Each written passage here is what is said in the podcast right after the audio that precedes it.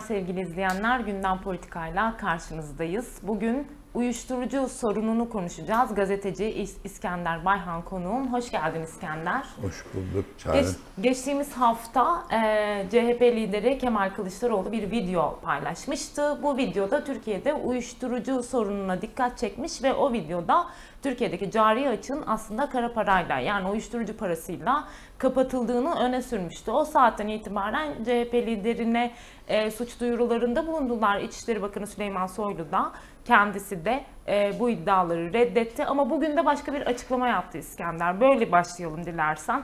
Hemen ben önce Süleyman Soylu'nun açıklamasıyla e, konuya giriş yapmış olayım.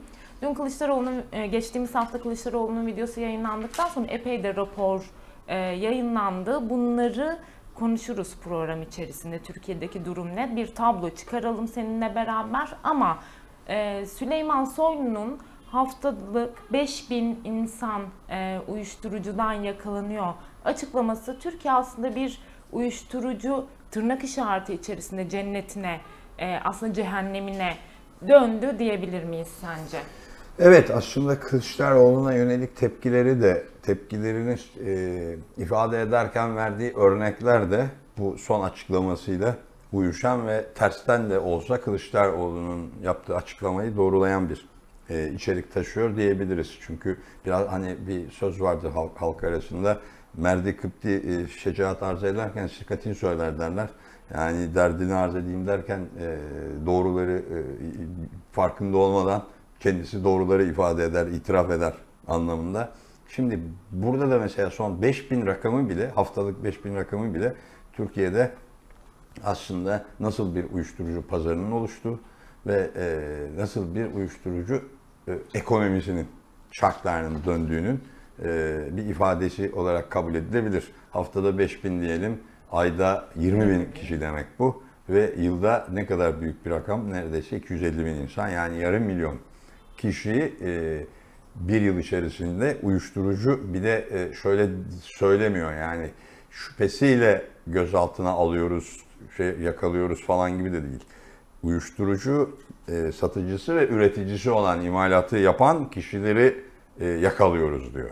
Yani bu bu şu demek bu 1 milyonun e, 1 milyonun dörtte biri kadar bir insan hani yakalanma oranı açısından da düşünür, düşünürsek 1 milyondan fazla insan da belki bu süre içerisinde gözaltına alınıyor ama bunların dörtte biri doğrudan uyuşturucu satıcısı ve e, üreticisi durumunda diyor Süleyman Soylu.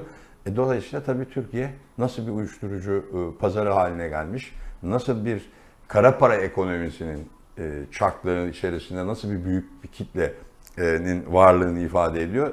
Dolayısıyla bu ekonominin başında başını tutan veya bu ekonominin, bu kara para ekonomisinin, uyuşturucu ekonomisinin şartlarını döndüren bir avuç e, uyuşturucu baronunun da ne kadar büyük bir servete sahip olduğunun ifadesi olan bir açıklama. Onun için bir itiraf aslında bir açıdan da. O mücadele, nasıl mücadele ettiklerini söylemeye çalışıyor ama aslında neyle mücadele ettiklerini söylerken Türkiye'nin de nasıl bir gerçeklikte yüz yüze olduğunu da itiraf etmiş oluyor. Evet bu gerçeklik açısından çeşitli verilerle devam edelim biz. Ee, şimdi e, Kılıçdaroğlu'nun konuşmalarını bu program içerisinde siyaseten nereye tekabül ettiğini konuşacağız.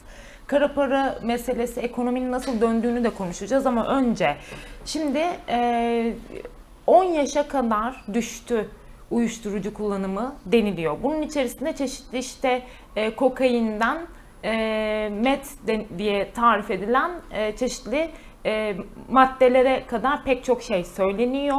Uyuştu, e, kokainin ticari e, şeyi çok pahalı olduğu için daha halk, daha yoksul kesimler, daha e, gençler e, daha çabuk kolay elde edebildiği için önce kullanımcısı sonra da satıcısı oluyor diyor raporlar ve 10 yaşına kadar da düştüğünü söylüyorlar. Bu sorun bizim yeni gündemimize gelmiş bir sorun değil. Ee, Bir hafta 10 gündür çok daha yoğun bir biçimde konuşuyoruz ama e, bir 5 yıllık rakamlara da dikkat çekiliyor. Her defasında daha çok arttığı da ne da söylüyor uyuşturucuyla mücadele merkezleri ya da emniyetin raporları, MASAK'ın istatistikleri bunları söylüyor. Ama bu sorun sadece AKP iktidarıyla mı alakalıydı yoksa bugün açısından başka bir şey mi söylemek lazım? Başka bir şey mi var? Yani daha mı çok yönel- yöneldi ve neden yönelmiş olabilir?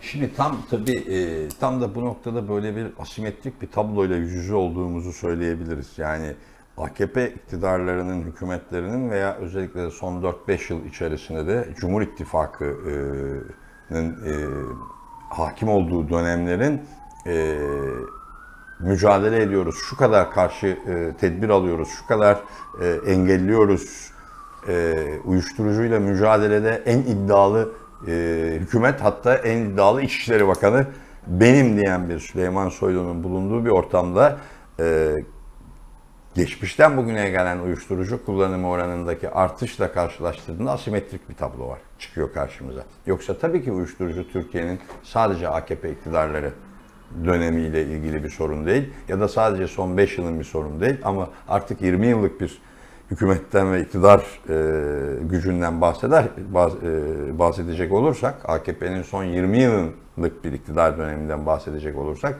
zaten e, bu dönem yeterince kendi içerisindeki artış yeterince bir e, şey gösterge oluşturuyor uyuşturucu e, kullanımındaki artışa ilişkin.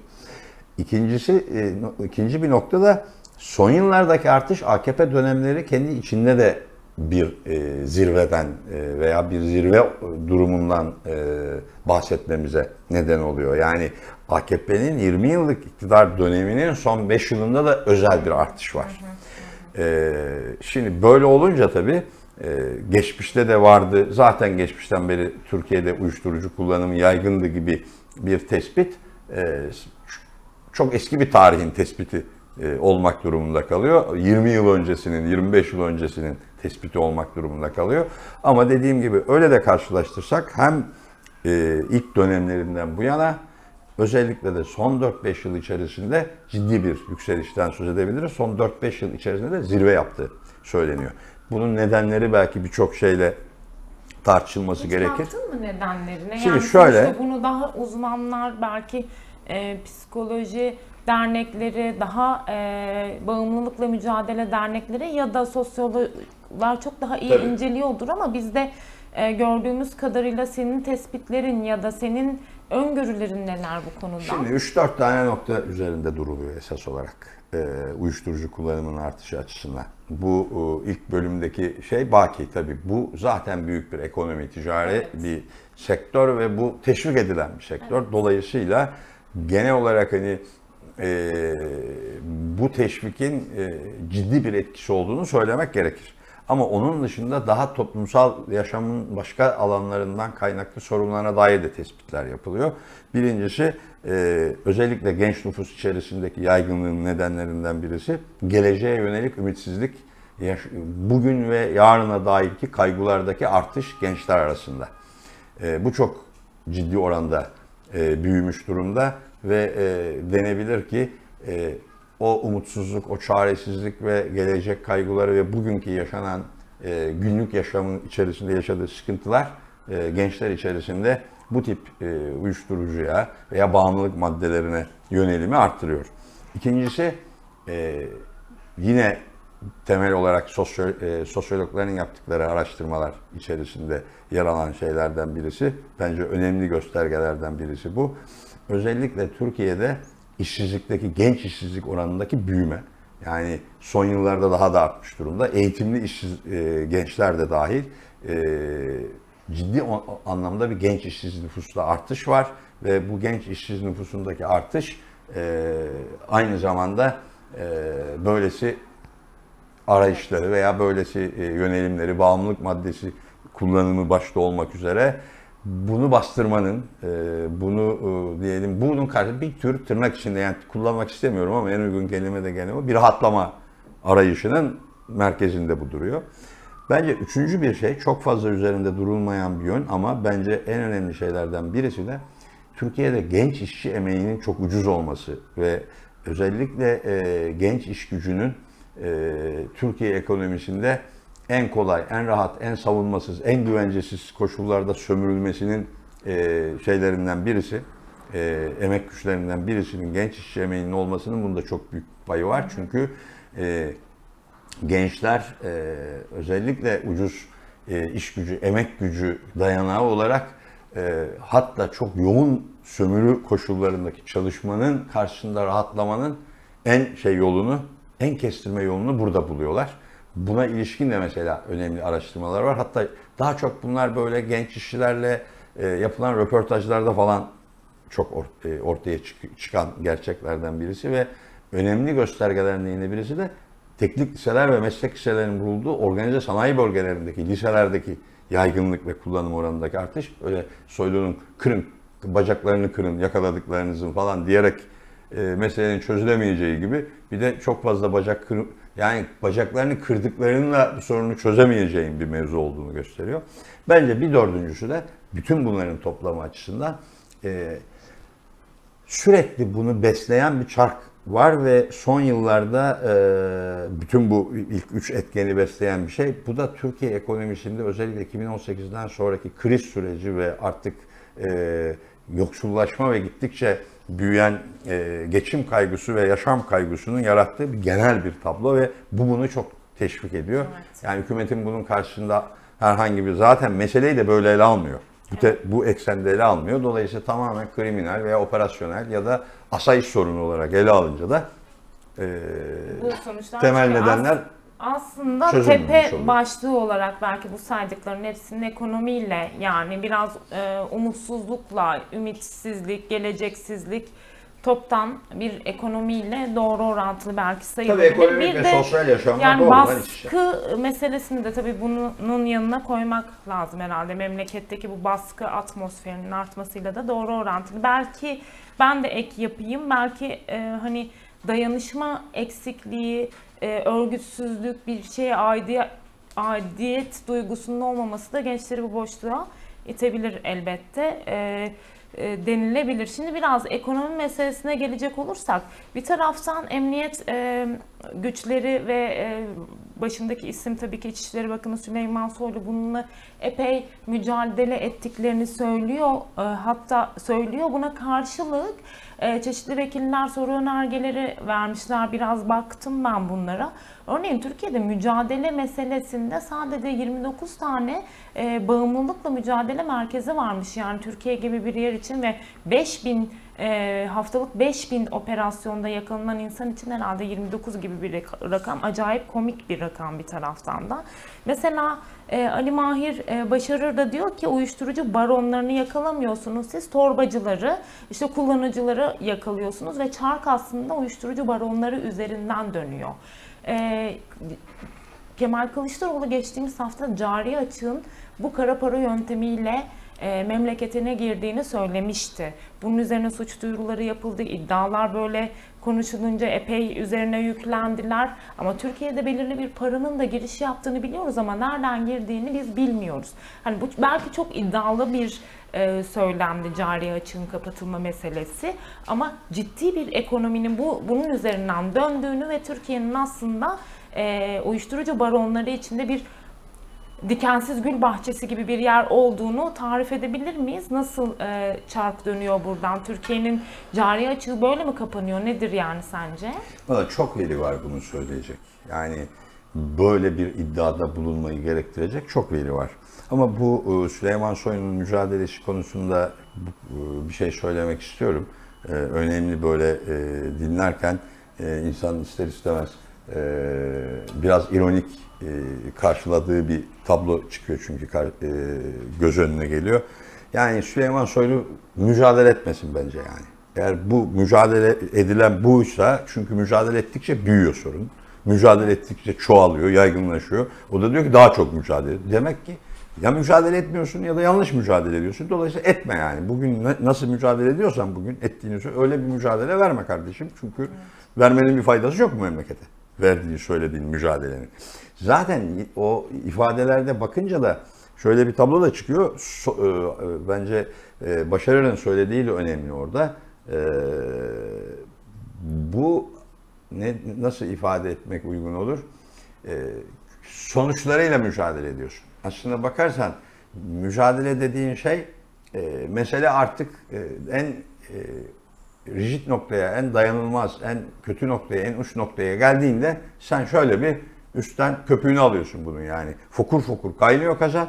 Sen sadece onun durup durup üzerinde birikmiş tortuları alıyorsun gibi ve e, belki de meselenin e, en e, bir zincirin halkaları gibi düşünürsek uyuşturucu, kara para veya kara ekonomi, kara piyasa da diyorlar buna. E, gölge piyasa dedikleri veya gel, gölge ekonomi dedikleri çarkın içerisinde sen mücadele demek ki diyorsun onun en uç noktasında en etkisiz olanla e, o çarkların dönüşünde en az rolü olanla, en zayıf e, pozisyon olanla mücadele ediyorsun demek ki. Asıl kökten bu meselenin e, temelini oluşturan çarklarla müsaade, mücadele etmiyorsun. Ne demek istiyorum?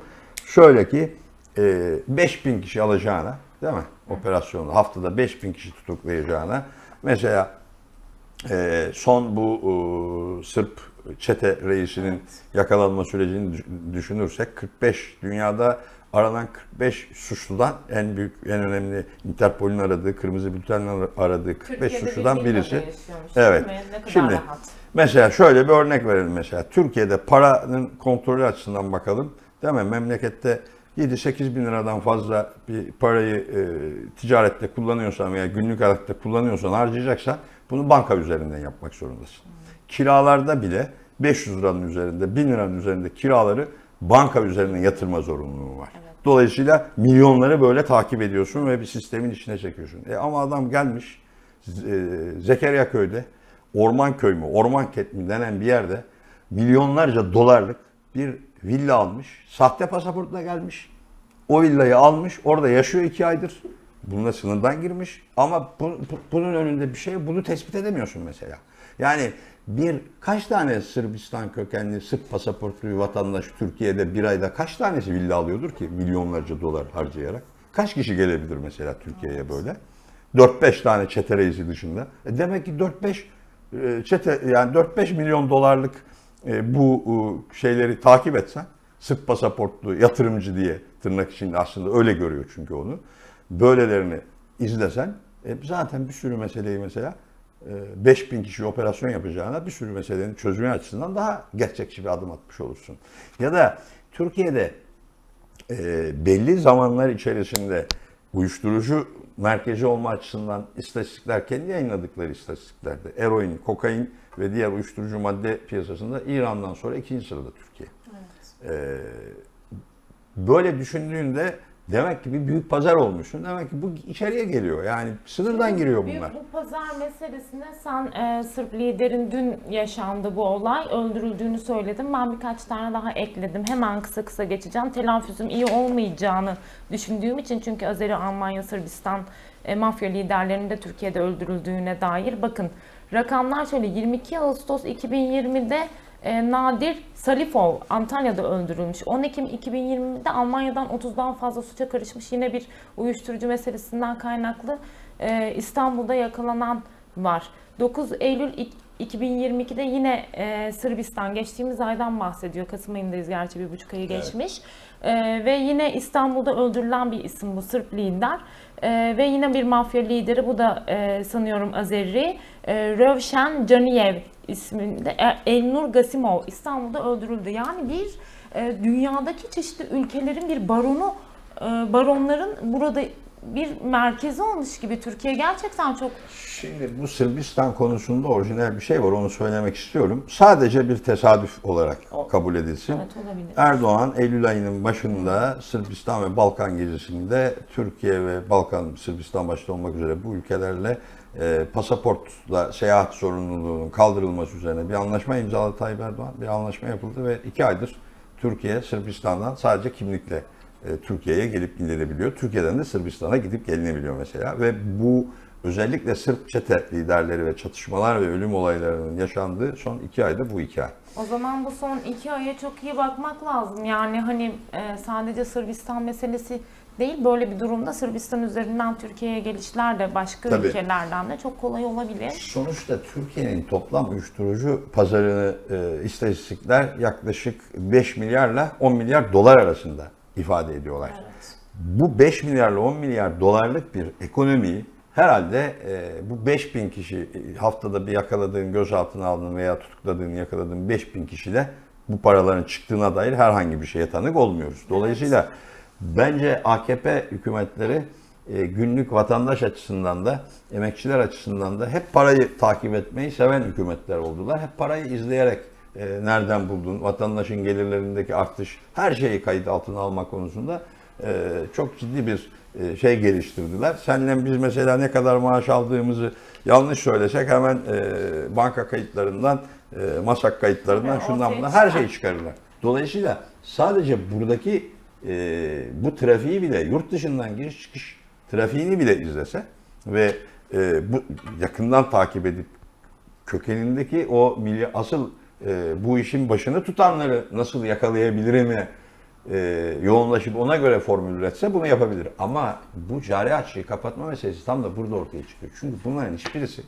yani uyuşturucu satıcısı, kullanıcısı suçlu ama o milyarlarca dolarlık ekonomik çarkın e, yürütücüsü veya o çarkı döndürenler ise yatırımcı. Yani ülkeye kaynak getiren, döviz getiren kişiler. Şimdi kurgu bu. E, e, böyle olunca İktidar tarafından tabii. tabii. bakış açısını bakış tarif açısı bu yani. biz. Ya da memleketteki çarkların suçlu, işleyişi böyle. torbacı, suçlu Tabii. ama yatırımcı, iş insanı. Tabii onlar gelenler e, kapitalist, onlar sermayedar, yabancı yatırımcı, dışarıdan yurt dışından kaynak getiriyor. Yani başka türlü e, Zekeriya Köy'de bir villaya yatırılmış milyonlarca doların ne o, nereden geldiğini sormayıp bulamamakla e, bin doların hesabını sormak başka türlü izah edilemez yani. Bin doları buluyorum diyorsun, onun peşine koşuyorum hem de binlerce yakalıyorum 500 doları İskender- ama 5 milyon doları yakalayamıyorsun Evet yani. İskender bu mevzuda konuşulacak çok konu var. Süremizi de düşündüğüm için ben kısa kısa ilerlemek istiyorum. Mesela geçtiğimiz e, yıl birkaç ay önce hatırlayacak olursan Türkiye'nin en büyük operasyonlarından biri Mersin'de gerçekleşmişti. Evet. Biliyorsun Türkiye zaten bir uyuşturucu rotasının en önemli yeri oldu. Dü- Dünyada bir uyuşturucu rotası olarak geçiyor ismi. Mersin limanı en büyük e, operasyonlardan birine uğradı ve Mersin limanında ki davada tutuklu kimse e, yok şu anda ve e, ne bir fail ne bir şey hiç kimse söz konusu değil. Kimler yakalandı, e, ne oldu bunlara da bir doğru düzgün açıklık getirilemedi. Bir mücadele biçimi olarak böyle söylendi. Ayrıca siyasetin ayağının da burada olduğuna dair iddialar var. Özellikle biz bunu Sedat Peker'in iddialarından görmüştük hatırlayacak olursak. Hatta bugün Sedat Peker hakkında iftira davası açıldı. Mehmet Harun'un oğlunu kokainle ilişki kurduğu için. Böyle ayakları da olan hatta çok daha büyük Binali Yıldırım'ın oğulları üzerinde büyük iddialar söz konusu. Böyle de ayakları olan tırnak işareti içerisinde bir sektör uyuşturucu.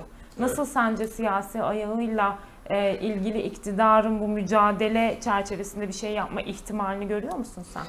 Şimdi bu kadar büyük bir sermaye, e, bu kadar büyük bir para e, ağı ve kara para ağı diyelim e, bir ülkede iktidar, e, idari veya e, silahlı bürokrasisi, emniyet müdürlüğünde e, işin içine katacak olursak katmak gerekir. Bunların ve istihbarat örgütleri, bunların körlüğü olmadan ya da bunların bile isteye teşvikleri olmadan, gönüllü e, göz yummaları olmadan bir tık daha ileri gidersek buralardan beslenmeden, buralarda bir çıkarı, buralarda bir bağlantısı ve buralarda kendi açısından bir fayda görmeden dönemez.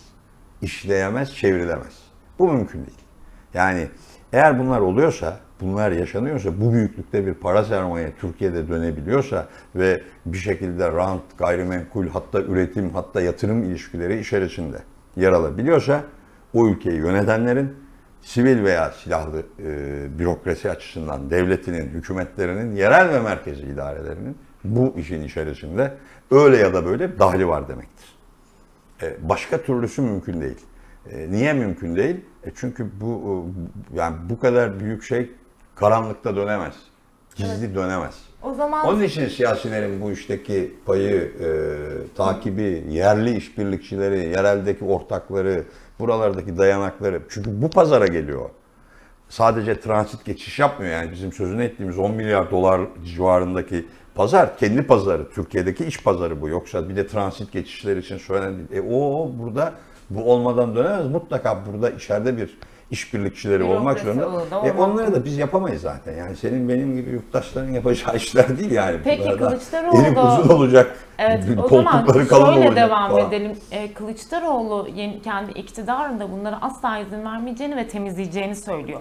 O zaman öyle bir temiz e, siyaset diyeyim ben, tahlil ettiği siyaset biçimi e, nasıl değerlendirdin Kılıçdaroğlu'nun açıklamalarını olabilir mi? Şimdi bir açıdan bu yapılabilir. Çünkü çok köklü bir sorun uyuşturucu sorunu artık bütün Türkiye'de yani o hücrelerine kadar bürokrasi, o ağ işlemiş durumda temizlenir umarız tabii ki de. Ben bunu iki yönlü düşünmek gerektiği kanaatindeyim. Bir yandan evet bu belli oranlarda kontrol altına alınabilir ama hem dünya ekonomisi hem Avrupa ekonomisi hem Türkiye ekonomisi açısından ki tabloya bakınca da onun da bir sınırı olduğunu görürsünüz. Çünkü ben mesela bazı rakamlara bakıyordum.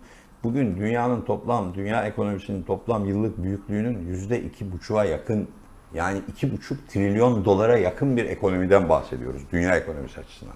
Sadece Avrupa ekonomisi açısından düşündüğünüzde yıllık eee yani 30-40 milyon euro düzeyinde 40 milyar pardon 30-40 milyar euroluk bir ekonomiden bahsediyoruz. Dolayısıyla eee yani ne yapabilir belki Kemal Kılıçdaroğlu ne yapabilir? Bunun içerideki piyasadaki eee, satışı etkisi dolaşımı açısından belli bir oranda şey yapabilir, tedbir alabilir. Ama günümüz kapitalizmi hem Türkiye hem Avrupa hem dünya kapitalizminin dönen çarklar açısından bakarsanız eee emperyalizmin veya tekelleşmenin ekonominin çürümüşlüğünü, bozuşmuşluğunu, kokuşmuşluğu sorununu çözmeden bu sorunu çözemezsiniz. Yani elbette bir değişim söz konusu olur ama sistemin değişmesi, kapitalizmin Tabii sermayenin çürümüşlüğünün en büyük dışavurunun Evet. en büyük örneklerinden birisi. Ne demek dünya ekonomisinin yüzde üçüne yakın bir oranda ekonominin e, narko ekonomi haline gelmiş olması. Çürümüşlüğün, bozuşmuşluğun en büyük fotoğraflarından birisi bu. Bunu nasıl çözeceksiniz? Asıl mesele orada yani. Bunu çözemediğiniz sürece de çöze, şeyi çözemezsiniz. Bir makyaj yapabilirsiniz. Belli oranlarda geriletebilirsiniz. Ki bu olmalı. Yani buna itiraz etme anlamında değil. Ama bu kadar romantik kökünü kazıyacağım falan mevzuları bu çarkların kökünü kazılamanız lazım. O da sanıyorum Kemal Bey'in zaten programında yok öyle bir şey. Evet, onu da aşacak işler bunlar herhalde. Teşekkür ediyorum katıldığın için. Aslında çok verimli bir yayındı benim için de. Daha da konuşacak aslında çok mesele var ama uyuşturucu meselesini konuşmaya devam ederiz. Türkiye'nin gündeminden düşecek gibi değil çünkü. Ama şunu söyleyelim Çağrı sen kapatmadan hiç olmasa yurttaşlara, vatandaşlara, işçilere, emekçilere özellikle de genç işçilere ve e, onların e, yaşadığı zorluklara karşı e, dayanmanın, direnmenin yolu bu değil. Uyuşturucuyla Evet, olmaz. Biraz önce Ee, söylemeye çalıştığım Evet oydu sen söyledin onu. Bu, bu işi örgütlenip mücadele etmek daha gerçekçi ve daha Evet, huzurlu çünkü olur. onların hepsi geçici Evet. bir balon rahatlama olarak duruyor Kesinlikle yani. yani, gerçekten buradan yola çıkarak uyuşturucudan kurtulamazsınız. Uyuşturucuya teslim olun sonucu çıkmamalı. Uyuşturucuyla Evet. mücadele etmelisiniz. Evet. Teslim olamazsınız. Bunun en iyi yolu da dediğin gibi örgütlü mücadele. Evet, teşekkür ediyorum katıldığın için yayınımıza. Sevgili izleyenler, Türkiye'nin çok derin bir konusu ne yazık ki uyuşturucu ve gerçekten 10 yaşına kadar düştüğü söyleniyor. Memlekette pek çok gencin de ailenin de korkulu rüyası Ee, ve çeşitli mücadele yöntemleri var. Biz İskender Bayhan biraz önce söyledi. Bu anlattıklarımızdan asla ve asla uyuşturucuyla mücadele edilemez meselesi ortaya çıkmasın. Ee, uyuşturucu kullanan gençlere de böyle bir mesaj e, vererek yayınımızı e, kapatalım biz. Uyuşturucu sadece geçici bir e, anlık bir balon ama kalıcı olan bir dayanışma, bir e, bununla mücadele etme biçimleridir. E, şimdilik bizden bu kadar. E, yeniden karşınızda olacağız haftaya. Hoşçakalın.